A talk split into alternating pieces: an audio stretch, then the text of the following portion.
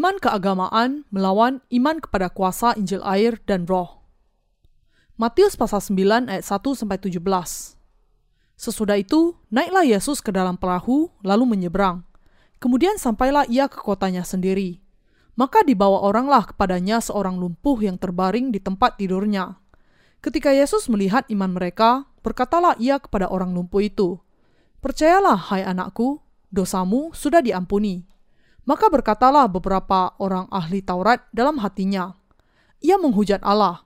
Tetapi Yesus mengetahui pikiran mereka lalu berkata, Mengapa kamu memikirkan hal-hal yang jahat di dalam hatimu? Manakah lebih mudah, mengatakan dosamu sudah diampuni atau mengatakan bangunlah dan berjalanlah? Tetapi supaya kamu tahu bahwa di dunia ini anak manusia berkuasa mengampuni dosa, lalu berkatalah ia kepada orang lumpuh itu, Bangunlah, angkatlah tempat tidurmu dan pulanglah ke rumahmu. Dan orang itu pun bangun lalu pulang. Maka orang banyak yang melihat hal itu takut, lalu memuliakan Allah yang telah memberikan kuasa sedemikian itu kepada manusia. Setelah Yesus pergi dari situ, ia melihat seorang yang bernama Matius duduk di rumah cukai. Lalu ia berkata kepadanya, "Ikutlah aku." Maka berdirilah Matius lalu mengikut dia. Kemudian ketika Yesus makan di rumah Matius, datanglah banyak pemungut cukai dan orang berdosa dan makan bersama-sama dengan dia dan murid-muridnya. Pada waktu orang Farisi melihat hal itu, berkatalah mereka kepada murid-murid Yesus, Mengapa gurumu makan bersama-sama dengan pemungut cukai dan orang berdosa? Yesus mendengarnya dan berkata, Bukan orang sehat yang memerlukan tabib, tetapi orang sakit. Jadi, pergilah dan pelajarilah arti firman ini. Yang ku kehendaki ialah belas kasihan, dan bukan persembahan. Karena aku datang bukan untuk memanggil orang benar, melainkan orang berdosa. Kemudian datanglah murid-murid Yohanes kepada Yesus dan berkata, Mengapa kami dan orang Farisi berpuasa, tetapi murid-muridmu tidak? Jawab Yesus kepada mereka, Dapatkah sahabat-sahabat mempelai laki-laki berduka cita selama mempelai itu bersama mereka? Tetapi waktunya akan datang mempelai itu diambil dari mereka, dan pada waktu itulah mereka akan berpuasa. Tidak seorang pun menambalkan secari kain yang belum susut pada baju yang tua, karena jika demikian, kain penambal itu akan mencabik baju itu, lalu makin besarlah koyaknya. Begitu pula anggur yang baru tidak diisikan ke dalam kantong kulit yang tua, karena jika demikian kantong itu akan koyak sehingga anggur itu terbuang dan kantong itu pun hancur. Tetapi anggur yang baru disimpan orang dalam kantong yang baru pula, dan dengan demikian terperiharalah kedua-duanya. Bagaimana kita seharusnya menjalani kehidupan iman kita? Bagaimana kita seharusnya menjalani kehidupan iman kita? Haruskah kita melakukan dengan menempatkan iman kita kepada pikiran kita sendiri? Atau haruskah kita menempatkan iman kita kepada Injil air dan roh? Ini adalah pertanyaan-pertanyaan yang akan saya jelaskan di dalam khotbah hari ini. Yang harus kita sadari di sini adalah bahwa mereka yang hanya setia kepada pemikiran mereka tidak lebih dari pelaku kehidupan keagamaan saja. Jadi, ketika Yesus masih ada di dunia ini, orang-orang Farisi yang adalah jenis orang keagamaan yang demikian juga menyerang dia dan murid-muridnya tentang masalah-masalah ritualistik. Para murid Yohanes Pembaptis juga mempertanyakan Yesus dengan pertanyaan penuh keraguan. Mengapa kami sering berpuasa tetapi murid-muridmu tidak berpuasa? Sayangnya, kebanyakan orang Kristen masih tetap menjadi pelaku kehidupan keagamaan belaka itu. Sebaliknya, yang Yesus kehendaki bagi kita adalah sama sekali berbeda dengan hal itu. Sebagaimana yang dinyatakan di bagian awal bagian kitab suci hari ini, Yesus adalah Allah yang benar yang bisa memberikan kepada kita pengampunan dosa. Jadi, dia bisa mengatakan kepada orang lumpuh itu, "Anakku, berbahagialah, dosa-dosamu sudah diampuni." Manakah yang lebih mudah?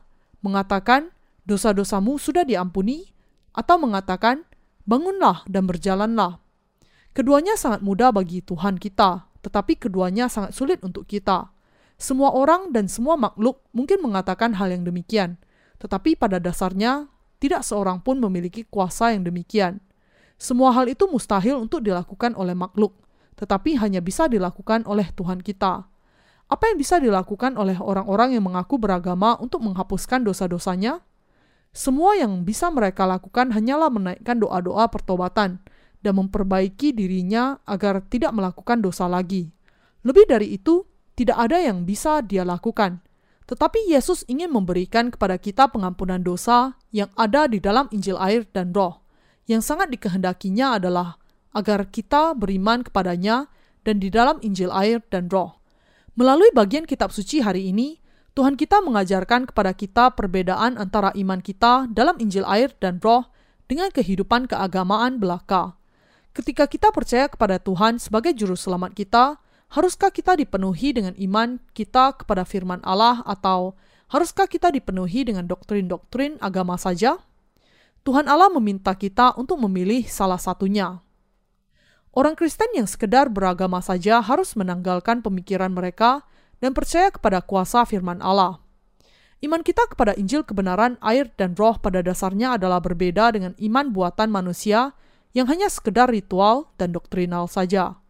Iman kita yang benar kepada kebenaran Allah dan iman kepada agama duniawi itu tidak sama.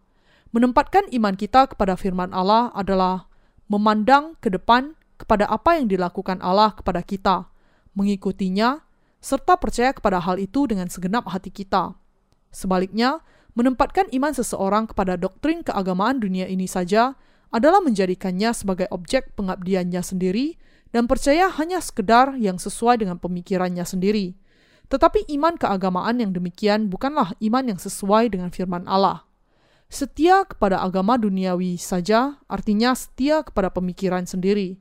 Karena itu, kalau seseorang yang setia kepada agama duniawi menginginkan untuk percaya di dalam hatinya kepada Injil air dan roh yang melaluinya Yesus sudah menyelamatkan kita, maka dia harus terlebih dahulu menanggalkan pemikirannya sendiri ini karena Injil air dan roh Allah adalah berbeda dengan doktrin-doktrin yang dibuat dari pikiran seseorang. Karena orang-orang yang demikian, yang mengikuti dan percaya kepada Yesus berdasarkan kepada doktrin keliru buatan mereka sendiri, tidak terhitung banyaknya orang-orang yang mati secara rohani.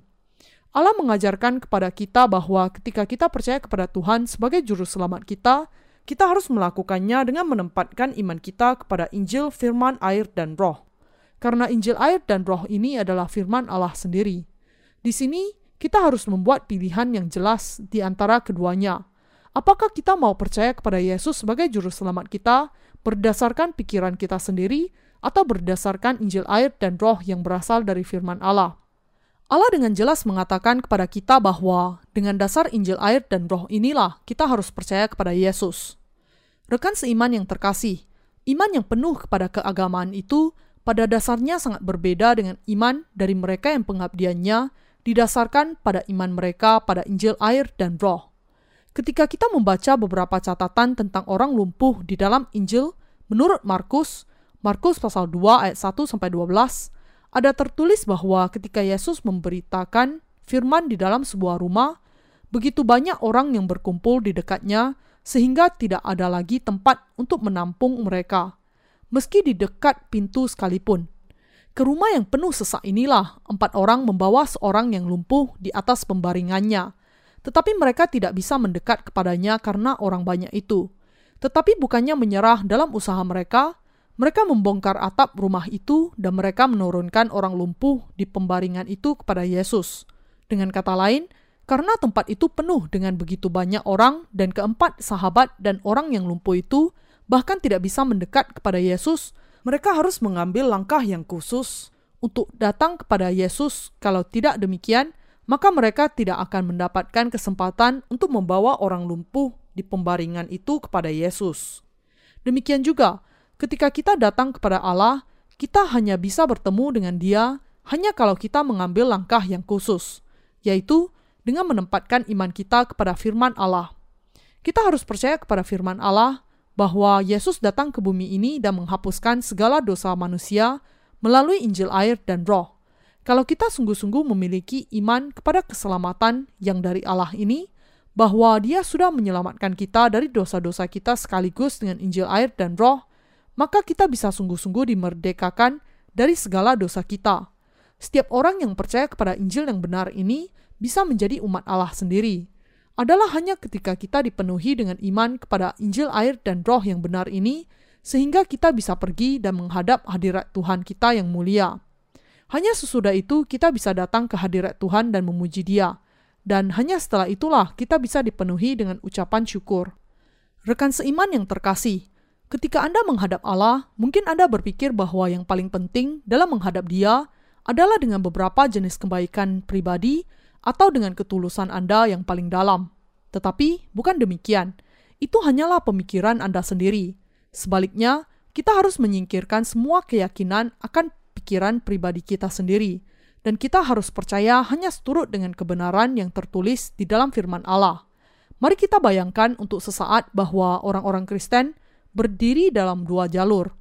Di satu jalur berdiri mereka yang percaya kepada Yesus dengan pikiran mereka sendiri, dan di sisi yang lain adalah orang-orang yang percaya kepada firman, air, dan roh yang adalah keselamatan kita. Di sisi yang mana Anda akan berdiri? Kalau Anda berdiri di dalam jalurnya orang-orang yang sekedar beragama, Anda akan menjalani kehidupan yang seturut dengan pikiran Anda sendiri. Kemudian akan menjadi mustahil bagi Anda untuk bertemu dengan Yesus Kristus yang sudah datang dengan Injil air dan roh. Mengapa? Karena orang-orang yang sekedar beragama demikian hanyalah setia kepada pikiran mereka sendiri, dan kemudian hanya tunduk penuh dengan perasaan mereka sendiri. Sebagaimana yang diperingatkan oleh para rasul, masih banyak orang-orang Kristen yang menginginkan melakukan kebaikan yang didasari oleh kedagingan mereka. Galatia pasal 6 ayat 12 adalah karena mereka tidak memiliki ketertarikan kepada kebenaran tentang Injil air dan roh atau tentang bagaimana Allah sudah sepenuhnya menghapuskan dosa-dosa mereka tetapi hanya setia kepada pengabdian mereka yang saleh. Tetapi tidak peduli bagaimanapun manusia sepenuhnya menundukkan diri kepada pikiran mereka sendiri, mereka masih tetap sangat dikuasai kelemahan untuk datang dan berdiri di hadapan hadirat Allah. Inilah sebabnya orang-orang Kristen yang sekedar beragama saja tidak bisa dengan tepat bertemu dengan Yesus, Juru Selamat sejati. Ketika seseorang sepenuhnya menyerahkan diri hanya kepada kesalehan keagamaan semata, dia tidak memperhatikan kebenaran keselamatan, kebenaran Injil air dan roh, dan justru akhirnya menyerahkan diri sepenuhnya kepada pemikiran, perasaan, dan tekadnya sendiri. Tetapi orang-orang yang sungguh-sungguh menyadari kelemahannya akan mencari dahulu firman Injil air dan roh dan meraihnya dengan iman ketika mereka mendapat kesempatan mendengarnya. Orang-orang yang demikian bisa diselamatkan dari segala dosa mereka dengan menempatkan iman mereka kepada kebenaran ini dan mengucapkan syukur kepada Allah karena kebenaran keselamatan yang sudah digenapinya. Pengampunan dosa kita tidaklah bergantung kepada apa dan bagaimana kita melakukan tindakan daging kita. Sebaliknya, hal itu sangat tergantung kepada iman kita kepada Injil air dan roh. Karena itu, kita orang-orang yang diselamatkan lebih memperhatikan akan kenyataan bahwa Yesus sudah menyelamatkan kita dari dosa-dosa kita sekaligus dengan Injil air dan roh. Dan kita mengimani hal ini. Mereka yang memiliki keyakinan akan firman Allah bisa mencapai semakin banyak lagi pemahaman tentang kebenaran Injil air dan roh dengan iman. Adalah hanya dengan iman kepada Yesus Kristus yang sudah menyelamatkan kita melalui firman Injil air dan roh, sehingga kita bisa menerima pengampunan atas dosa-dosa kita dan berdiri di hadapan Allah. Kita kemudian bisa berenang di dalam samudera kasih karunia Allah dan menjalani kehidupan yang diberkati. Tuhan dibutuhkan hanya oleh orang-orang berdosa yang menghadapi kebinasaan mereka. Rekan seiman yang terkasih, Tuhan kita tidak datang untuk menyelamatkan dari dosa orang-orang yang percaya kepada pemikiran mereka sendiri. Dia mengatakan, bukan orang sehat yang memerlukan tabib, tetapi orang sakit. Jadi, pergilah dan pelajarilah arti firman ini. Yang ku kehendaki ialah belas kasihan dan bukan persembahan. Karena aku datang bukan untuk memanggil orang benar, melainkan orang berdosa.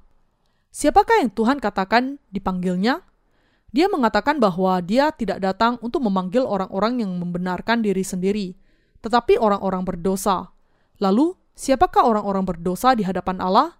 Mereka adalah keturunan Adam yang sudah meninggalkan Allah dan yang sudah terbelenggu di dalam dosa. Tuhan kita tidak datang untuk memanggil orang-orang benar, ini karena tidak ada orang yang benar bagi dirinya sendiri. Roma pasal 3 ayat 10. Dan sangat benar bahwa Tuhan kita datang ke dunia ini untuk menyelamatkan orang-orang yang penuh dosa, untuk menjadikan mereka tidak berdosa dan menjadikan mereka sebagai anak-anak Allah sendiri. Apa yang dikatakan Yesus kepada orang-orang Farisi dalam bagian kitab suci hari ini adalah agar mereka meninggalkan pemikiran mereka sendiri, datang kepadanya, dan percaya kepada firman-Nya. Tetapi karena orang-orang Farisi itu datang kepada Yesus dengan pemikiran sendiri yang dipenuhi dengan emosi mereka sendiri, bukan untuk mereka Tuhan datang. Tuhan kita tidak datang untuk menyelamatkan dari dosa orang-orang yang berpura-pura benar dan munafik, tetapi Dia datang untuk menyelamatkan orang-orang yang miskin secara rohani, yang jujur dan berterus terang untuk mengakui diri mereka sebagai orang-orang berdosa yang menjadi berduka dan meratapi dosa-dosa mereka, dan yang mendengarkan firman Injil air dan roh dan mempercayainya. Tuhan kita datang ke dunia ini untuk menyelamatkan orang-orang berdosa dari segala dosa dan kelemahan mereka. Kelemahan semua manusia akhirnya akan dinyatakan semua, karena dia melakukan pelanggaran setiap hari selama dia hidup di dunia ini. Adalah untuk memanggil orang-orang yang demikian dan membebaskan mereka dari semua dosa mereka juga, sehingga Tuhan kita datang. Tuhan kita dengan kata lain datang untuk membebaskan orang-orang berdosa dari segala dosa dan kelemahan mereka dengan memberikan Injil air dan roh kepada mereka. Kita perlu memahami di sini bahwa Tuhan kita tidaklah tertarik kepada orang-orang Farisi dan para ahli Taurat yang sudah menetapkan iman mereka sendiri berdasarkan pemikiran mereka sendiri. Karena itu, ketika kita datang ke hadirat Allah, kita harus menempatkan iman kita di dalam firman Injil air dan roh. Injil air dan roh mengatakan kepada kita bahwa Tuhan sudah membebaskan kita dari segala dosa kita dengan dibaptiskan oleh Yohanes dan disalibkan dan mencurahkan darahnya di atas kayu salib. Dan di sana juga dijelaskan kepada kita bahwa Tuhan akan datang untuk menerima kembali orang-orang yang percaya kepada Injil ini, dan bahwa Dia sudah mempersiapkan kerajaan surga bagi kita. Agar Tuhan kita mengatakan bahwa Dia sudah menghapuskan segala dosa kita dengan Injil air dan Roh, Dia sudah menetapkan hukum keselamatan bagi seluruh umat manusia agar diselamatkan, sehingga tidak ada seorang pun yang bisa datang kepada Allah tanpa iman kepada Injil ini. Kita harus terlebih dahulu memahami dan percaya kepada Injil yang diberikan Allah kepada kita. Iman apa yang Dia inginkan dari kita, dan berapa banyak dosa-dosa kita yang telah dihapuskannya. Kita harus meninggalkan kehendak kita sendiri dan kemudian percaya kepada kuasa kebenaran Allah. Ketika Anda berkumpul bersama untuk menyembah Allah dan mendengar firman-Nya, jangan salah berpikir bahwa Anda bisa dengan cara tertentu menyenangkan Allah kalau Anda sungguh-sungguh berusaha sekuat tenaga untuk melayani Yesus dengan baik dan tidak melakukan dosa lagi. Bagi Anda untuk berusaha memperkenankan Yesus dengan kekuatan sendiri, berarti Anda tidak mengenal diri Anda sendiri dan terlalu mengagungkan tekad pribadi Anda sendiri. Kalau demikian cara Anda menjalani kehidupan iman Anda sampai saat ini, maka Anda tidak mengenal iman yang sungguh-sungguh dikehendaki Allah dari Anda semua. Tuhan kita mengatakan, Aku menghendaki kasih karunia dan bukan korban. Karena kasih karunia-Nya kepada kita, Dia dibaptiskan oleh Yohanes Pembaptis untuk menanggung segala dosa yang sudah kita lakukan di sepanjang kehidupan kita, dan kemudian memang menanggung segala dosa kita. Sebagaimana Tuhan sudah menyembuhkan orang lumpuh dari penyakitnya dengan firman kuasanya sekaligus, Dia sudah menyembuhkan kita dari segala dosa kita sekaligus dengan kuasa Injil air dan roh. Karena kenyataan bahwa Allah kita menghendaki agar kita percaya kepada firman Injil air dan roh dan diselamatkan dari dosa-dosa kita, menjadi tidak cocok dengan kehendak Allah kalau ada manusia yang menyembah Yesus dengan penyembahan karena keinginan pribadi mereka yang didasari hanya oleh pemikiran pribadi mereka sendiri. Bisakah orang yang lumpuh berjalan hanya karena dia memiliki kehendak yang sangat kuat untuk melakukannya?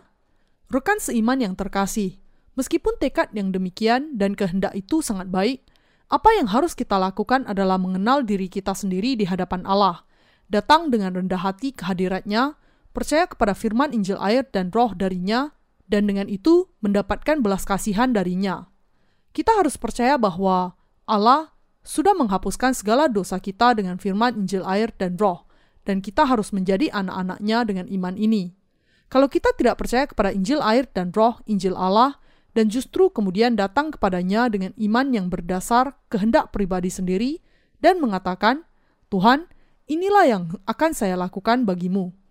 Maka kita akhirnya hanya akan menjadi bingung, percaya kepada pemikiran pribadi kita sendiri dan menjadi sepenuhnya tidak ada hubungannya dengan Tuhan. Dengan menempatkan iman kita kepada firman Injil air dan roh, kita harus memiliki keyakinan yang penuh kepada keselamatan kita. Kita harus dipenuhi dengan iman yang percaya kepada firman Injil air dan roh yang mengatakan bahwa Allah sudah menghapuskan segala dosa kita. Agar bisa demikian, kita jangan sampai membuat doktrin tentang Allah dengan didasarkan kepada pemikiran dan akal budi manusia sendiri, dan jangan sampai kita datang kepada Yesus dengan menempatkan iman kita kepada doktrin buatan manusia yang demikian. Kalau kita setia hanya kepada pemikiran kita sendiri, penyembahan kita akan layu dalam sekejap, dan akhirnya kita akan mati tanpa mengenal Injil air dan roh.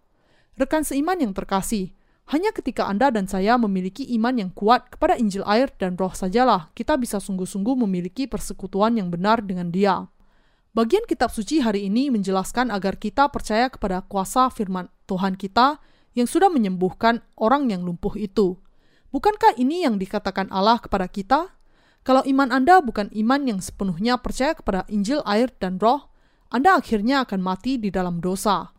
Banyak orang cenderung untuk percaya kepada firman Allah melalui pemahaman dan sudut pandang mereka sendiri, dan ini yang menjadi asal dari doktrin dan pengajaran Kristen yang sekarang ada. Jadi, ketika mereka membaca firman Allah, mereka hanya mengambil pelajaran moral saja dan mengatakan, "Oh, jadi Inilah yang harus saya tiru. Mereka bahkan memiliki keyakinan akan keselamatan mereka sendiri dengan dasar doktrin dan pengajaran buatan manusia yang demikian. Tetapi mereka sebenarnya menguburkan kebenaran Alkitab di dalam kebingungan dengan pemikiran duniawi mereka sendiri. Iman yang demikian adalah kekeliruan yang berasal dari pemikiran mereka sendiri. Sebaliknya, Alkitab tidak pernah mengatakan bahwa doktrin buatan manusia yang demikian adalah dasar dari keselamatan kita yang sejati. Kita harus memahami sekarang bagaimana Yesus sudah menghapuskan segala dosa kita, dan kita harus mengenal kuasa ini. Bukankah kita manusia yang melakukan dosa-dosa pribadi sampai kita mati? Ya, demikian. Namun, Tuhan kita berbicara kepada kita mengenai keselamatan yang sudah menghapuskan dengan firman Injil air dan roh segala dosa yang kita lakukan sampai kita mati. Firman Injil air dan roh ini adalah firman Allah yang membawa kepenuhan pengampunan dosa kepada kita. Inilah sebabnya rekan seiman yang terkasih, kita harus menempatkan iman kita kepada Injil air dan roh ketika kita datang kepada Tuhan kita. Kita jangan sampai datang ke hadiratnya hanya dengan iman keagamaan saja. Dan jangan dipenuhi hanya dengan pengajaran keagamaan saja. Tetapi, sebagaimana yang dikatakan Alkitab kepada kita agar kita dipenuhi dengan roh, kita harus memenuhi diri kita dengan firman Roh Kudus. Rekan seiman yang terkasih, apakah yang seharusnya menguasai pikiran kita? Haruskah kita dikuasai oleh kesalehan keagamaan kita semata? Atau haruskah kita dikuasai oleh Injil, air, dan roh? Injil yang dengannya Allah sudah menyelamatkan kita semua? Tidakkah kita seharusnya takjub oleh firman keselamatan ini? Allah mengatakan kepada kita bahwa Dia sudah menghapuskan segala dosa kita kita harus menyerahkan sepenuh diri kita kepada pekerjaan yang baik untuk memberitakan Injil air dan roh, dan untuk pekerjaan inilah kita harus berjuang. Iman yang bagaimana yang harusnya memenuhi kita, di mana pikiran kita berada adalah sangat penting di sini. Apakah Anda melakukan dosa atau tidak sampai hari kematian Anda? Tentu saja ya. Apakah Anda sungguh-sungguh memahami hal ini dan tidak ragu? Kalau Anda tahu bahwa Anda tidak lebih dari tumpukan dosa saja, maka dengan iman, Anda bisa menerima keselamatan Anda melalui Injil air dan roh. Dan jika Anda mengetahui bahwa Yesus sudah menyelamatkan Anda dari segala dosa Anda dengan Injil air dan roh, maka Anda sekarang sudah mencapai keselamatan yang sempurna, dan Anda kemudian akan masuk ke dalam kerajaan surga. Banyak orang tidak tahu bahwa mereka terikat oleh dosa sampai hari kematian mereka. Bahkan adalah karena terlalu banyak manusia yang tidak memahami hal ini sehingga sedikit sekali yang mencari kebenaran. Kalau tidak demikian, pasti mereka akan mencari Injil air dan roh. Jadi, dengan kata lain, ini berarti bahwa mereka yang tidak mengenal Injil air dan roh adalah orang-orang yang tidak memahami, bahkan sampai kehidupan mereka berlalu, bahwa mereka adalah orang-orang berdosa yang melakukan segala macam kelemahan. Beberapa orang mendaki gunung untuk berdoa, dan di dalam doa-doa mereka, mereka berjanji, Allah, saya tidak akan melakukan dosa lagi. Ada begitu banyak orang yang berdoa setiap malam membuat tekad yang baru untuk tidak melakukan dosa lagi. Perhatikanlah semua agama di dunia ini.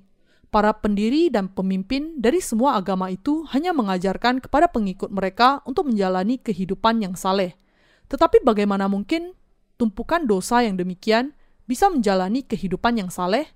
Adalah karena mereka tidak memahami bahwa mereka sama sekali tidak mampu menjalani kehidupan yang demikian dan bahwa mereka sedang menjalani kehidupan yang didasari oleh dusta dan kemunafikan. Mereka tidak tahu bahwa semua orang tidaklah berbeda dengan manusia yang memiliki kelemahan yang berdosa sepanjang waktu. Dan karena mereka tidak mengenal kebenaran ini, mereka berusaha begitu keras untuk menjalani kehidupan yang saleh dan kemudian justru menjalani kehidupan yang munafik. Dan dalam prosesnya mendustai para pengikut mereka. Tetapi semua orang, rekan seiman yang terkasih, melakukan dosa sampai hari mereka mati. Kerentanan kehendak manusia itu seperti orang naik sepeda mendaki gunung. Ketika Anda menginjak pedal, Anda naik ke atas bukit itu. Tetapi pada saat Anda menjadi lelah dan berhenti menginjak pedal, kemudian Anda akan mundur dan menuruni bukit. Demikianlah kehendak manusia.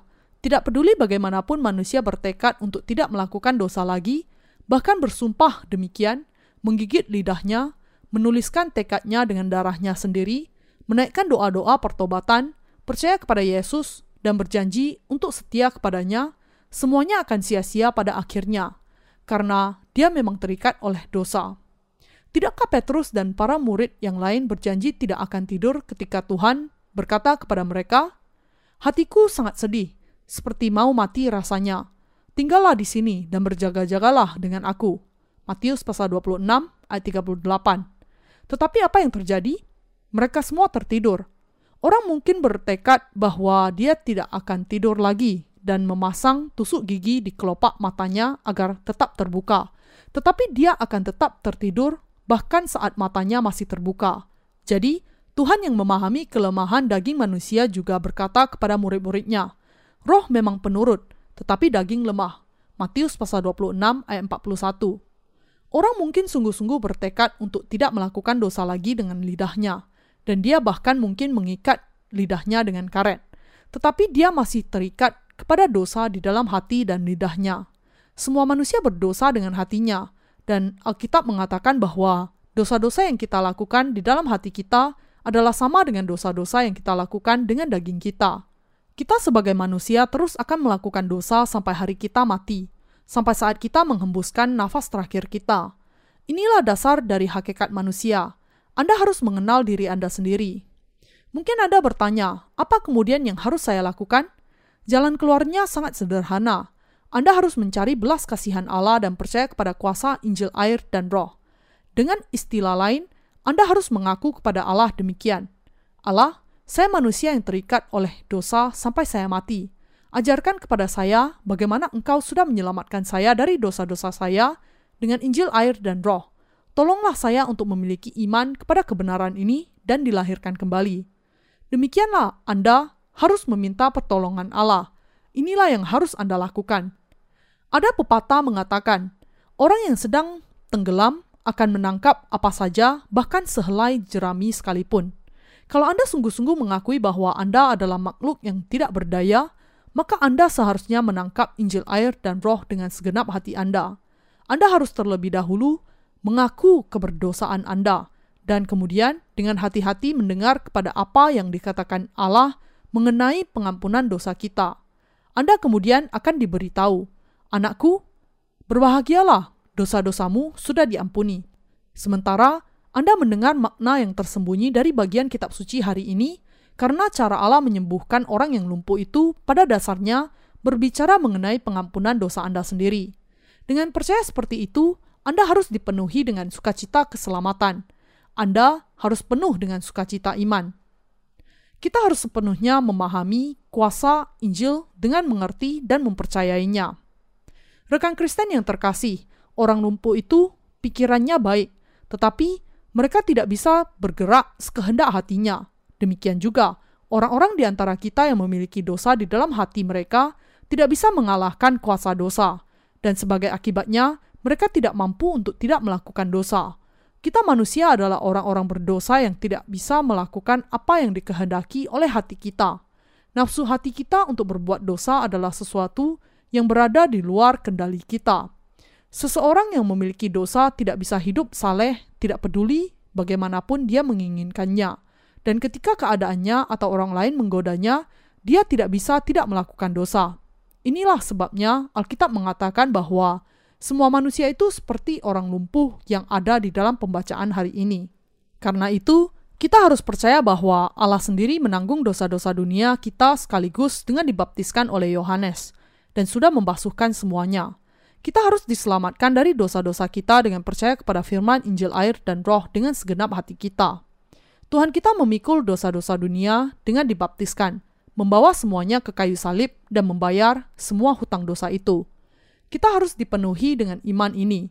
Kita harus dipenuhi dengan iman kita dan percaya kepada Injil air dan roh. Kita harus percaya kepada apa yang dilakukan Allah kepada kita, kepada firman Allah yang mengatakan kepada kita bahwa Allah sendiri dibaptiskan dan mencurahkan darahnya untuk kita dan dengan itu sudah menghapuskan segala dosa kita. Hanya sesudah itu hati kita bisa memiliki kehidupan yang kekal dengan iman, dan hanya sesudah itu jiwa kita bisa dibawa kepada kehidupan. Kita jangan sampai dipenuhi dengan doktrin keagamaan semata berdasarkan emosi pribadi kita sendiri. Yang terlebih dahulu dituntut oleh Allah adalah untuk kita dipenuhi dengan iman kepada Injil air dan roh. Dia menghendaki agar hati kita mengikuti Injil air dan roh dengan setia dengan segenap hati kita. Bahkan jika Anda memiliki kekurangan dan kelemahan di dalam tindakan Anda, dan bahkan jika Anda tidak memiliki sesuatu untuk dibanggakan, Ketika Anda dipenuhi dengan iman kepada Injil air dan roh, Anda bisa berkenan kepada Allah dan Anda juga bisa membawa keselamatan sejati kepada orang-orang lain. Apakah Anda mengetahui apa yang dikatakan oleh mereka yang dipenuhi dengan emosi keagamaan semata kepada orang-orang yang dilahirkan kembali? Mereka mengatakan, "Engkau menghujat. Anda pikir Anda siapa? Penghujat yang sombong? Apakah Anda tidak memiliki dosa? Siapa Anda sehingga berani mengatakan demikian?" Apakah Anda Allah sehingga Anda mengatakan bahwa Anda tidak memiliki dosa? Ketika mereka yang penuh emosi keagamaan memandang kepada mereka yang sungguh-sungguh dilahirkan kembali dari air dan roh, mereka berpikir bahwa ada yang salah dengan orang-orang yang dilahirkan kembali itu. Bahkan meskipun tidak ada yang tidak alkitabiah di dalam iman orang-orang yang dilahirkan kembali. Penilaian mereka sangatlah jauh dari kebenaran. Sebaliknya, adalah orang-orang itu yang membuat penghakiman tanpa mengenal Injil air dan roh yang melakukan kesalahan. Orang-orang yang demikian mengatakan kepada orang-orang yang percaya kepada Injil air dan roh, Siapakah Anda sehingga berbicara mengenai pengampunan dosa kepada kami? Ketika orang yang lumpuh itu dibawa kepada Yesus, Yesus langsung mengatakan kepadanya, Anakku, dosa-dosamu sudah diampuni, sesuatu yang sangat mengejutkan sekali. Mungkin Anda tidak punya gambaran mengenai Berapa kali Yesus mengatakan hal-hal yang membuat murka mereka yang dipenuhi dengan keagamaan. Bagi orang-orang yang mengaku beragama saja, apa yang dikatakan Yesus terlalu radikal. Karena itu, orang-orang yang penuh dengan pemikiran keagamaan itu mengatakan, "Wow, engkau gila! Apakah engkau Allah?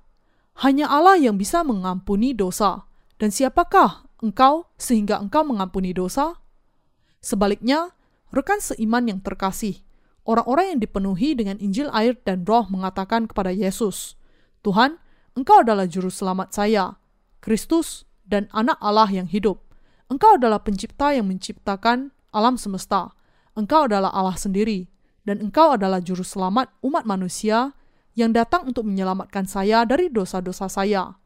Engkau datang ke bumi ini dalam rupa manusia, menerima segala dosa kami manusia dengan dibaptiskan, disalibkan, dan mencurahkan darahmu, bangkit kembali dari kematian pada hari yang ketiga, dan dengan itu sudah menyelamatkan saya dengan sempurna dari segala dosa saya.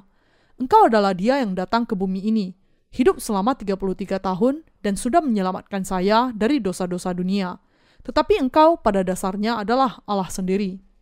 Ketika mereka penuh dengan Injil air dan roh melihat Yesus ini, mereka tidak melihat celah apa pun, dan mereka menerima kasih keselamatannya di dalam hati mereka. Tetapi ketika mereka yang dipenuhi hanya dengan doktrin dan pengajaran keagamaan belaka itu melihat Yesus, di sisi lain dia nampak seperti pemimpin dari semua penyesat. Tetapi bagaimana dengan orang lumpuh dan keempat sahabatnya itu? Tidakkah mereka datang ke hadirat Tuhan dengan menempatkan iman mereka kepada Yesus sebagai anak Allah dan juru selamat? Memang demikian, mereka sungguh-sungguh percaya kepada Yesus sebagai Allah sendiri. Jadi, ketika Yesus mengatakan, "Dosa-dosamu diampuni, bangkit dan berjalanlah," orang lumpuh itu kemudian bangkit dan berjalan. Ketika begitu banyak orang menggerumuni Yesus, hanya orang lumpuh dan keempat sahabatnya yang sungguh-sungguh membawa permasalahan dosa mereka kepada Yesus dan diselesaikan dengan percaya kepadanya dengan segenap hati mereka. Rekan seiman yang terkasih, mereka yang dipenuhi dengan pikiran keagamaan memang percaya kepada Yesus dalam usaha mereka untuk menjaga moral dan etika mereka, tetapi mereka menganggap hakikatnya sebagai manusia saja. Untuk orang-orang yang demikian, Yesus hanyalah sekedar satu tokoh yang hebat di dalam sejarah dunia. Jadi, mereka tidak percaya kepadanya dengan segala masalah dosa mereka, dan mereka juga tidak bisa menyelesaikannya. Ini karena mereka tidak percaya kepada Yesus sebagai Allah. Tetapi mereka yang dipenuhi dengan Injil, air, dan Roh percaya Yesus itu Allah sendiri, dan Dia adalah Juru Selamat manusia. Jadi, kalau saya datang kepadanya, masalah dosa jiwa saya akan diselesaikan. Semua dosa yang sudah saya lakukan dan yang akan saya lakukan sampai hari kematian saya akan diselesaikan, dan saya akan diampuni dari semuanya itu. Kutuk daging saya kemudian juga akan meninggalkan saya. Tuhan saya akan menyelesaikan semua masalah saya. Dia akan memberkati saya. Adalah karena orang lumpuh dan sahabat-sahabatnya memiliki iman yang demikian, sehingga mereka membawa dia kepada Yesus. Rekan seiman yang terkasih, ketika Anda sampai kepada iman Kristen, jangan berharap kepada kepenuhan dari emosi keagamaan Anda sendiri. Ini hanyalah sekedar percaya kepada agama duniawi saja, tidak memiliki iman yang sebenarnya. Untuk sungguh-sungguh percaya kepada Tuhan adalah terlebih dahulu menyelesaikan masalah dosa Anda. Ketika Anda memiliki dosa, Anda bisa dikeluarkan dari masalah ini hanya ketika Anda meletakkan masalah ini di hadapan Yesus. Dan ketika Anda memiliki masalah lain di dalam daging Anda, Anda juga bisa dilepaskan dari masalah itu hanya ketika Anda meletakkannya di depan Yesus. Tidak lain dari iman yang benar inilah yang percaya kepada Injil air dan roh. Dengan menempatkan iman Anda kepada Yesus sebagai juru selamat Anda, Anda bisa dilepaskan dari semua masalah Anda. Bagi kita untuk percaya kepada Yesus, dengan kata lain, adalah menempatkan iman kita kepada Injil air dan roh. Yesus itu pada dasarnya adalah Allah sendiri, dan ketika kita berdoa kepada Tuhan ini, dia akan mendengar dan menjawab kita. Iman kita terletak kepada kebenaran bahwa Tuhan dengan dibaptiskan di sungai Yordan dan mencurahkan darahnya di atas kayu salib, membereskan segala dosa kita, semua rasa malu kita, dan semua kutuk kita. Rekan seiman yang terkasih, ketika Anda melanjutkan kehidupan iman Anda, saya mendorong Anda masing-masing untuk menempatkan iman Anda kepada Injil air dan roh. Saya meminta agar Anda semua memiliki iman yang penuh kepada Injil ini. Saya berharap bahwa masing-masing Anda akan dipenuhi dengan Roh Kudus dengan percaya kepada Injil, air, dan Roh. Adalah kerinduan saya yang paling dalam bahwa Anda semua akan sungguh-sungguh memiliki iman yang kuat kepada Injil ini. Meskipun kita tidak bisa sempurna di dalam perbuatan kita, kita masih bisa dipenuhi dengan Roh Kudus dengan iman. Kita bisa dipenuhi dengan iman kita kepada Injil, air, dan Roh yang sudah menyelamatkan kita dari segala dosa kita. Ada tertulis di dalam lagu pujian, Aku tidak bisa mengatakan kapan itu terjadi. Damai sejahtera ini ada di dalam hati. Tetapi ini yang aku tahu. Hatiku dipenuhi. Ketentraman yang baru dan menyegarkan. Kita bisa penuh dengan iman setiap saat, bahkan jika kita di kamar kecil, karena Tuhan kita sudah menghapuskan segala dosa kita dengan baptisan dan darahnya. Kita sungguh-sungguh bersyukur atas hal ini. Rekan seiman yang terkasih, bagaimana pandangan manusia terhadap Anda bukanlah masalah di sini. Tetapi, apa yang dikatakan Yesus itulah yang terpenting. Tuhan sudah mengatakan bahwa dia mengasihi Anda, dan dia sudah menghapuskan segala dosa Anda. Bahwa Anda adalah anak-anak Allah, bahwa dia akan menyertai Anda sampai akhir zaman, dan bahwa dia akan memberkati Anda semua. Untuk memelihara perkataan Allah kepada Anda di dalam hati Anda, dan percaya kepada hal itu adalah kepenuhan iman yang sejati. Apakah Anda hanya menjalani kehidupan keagamaan Anda, di mana Anda terpaksa harus pergi ke gereja hanya karena hari Minggu sudah tiba, di mana Anda memberikan persembahan, menyanyikan beberapa lagu, berpura-pura suci, menjalankan semua formalitas ritual yang ada, menyapa sesama anggota gereja, lalu berbalik dan kembali ke rumah? Menjalani kehidupan keagamaan yang demikian dan setia kepada formalitas keagamaan bukanlah iman yang Yesus inginkan dari Anda. Anda harus dipenuhi dengan iman Anda di dalam kebenaran Injil air dan roh.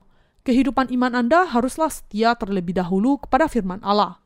Rekan seiman kudus yang terkasih, kita harus menjadi orang-orang yang dipenuhi dengan iman kepada firman Allah.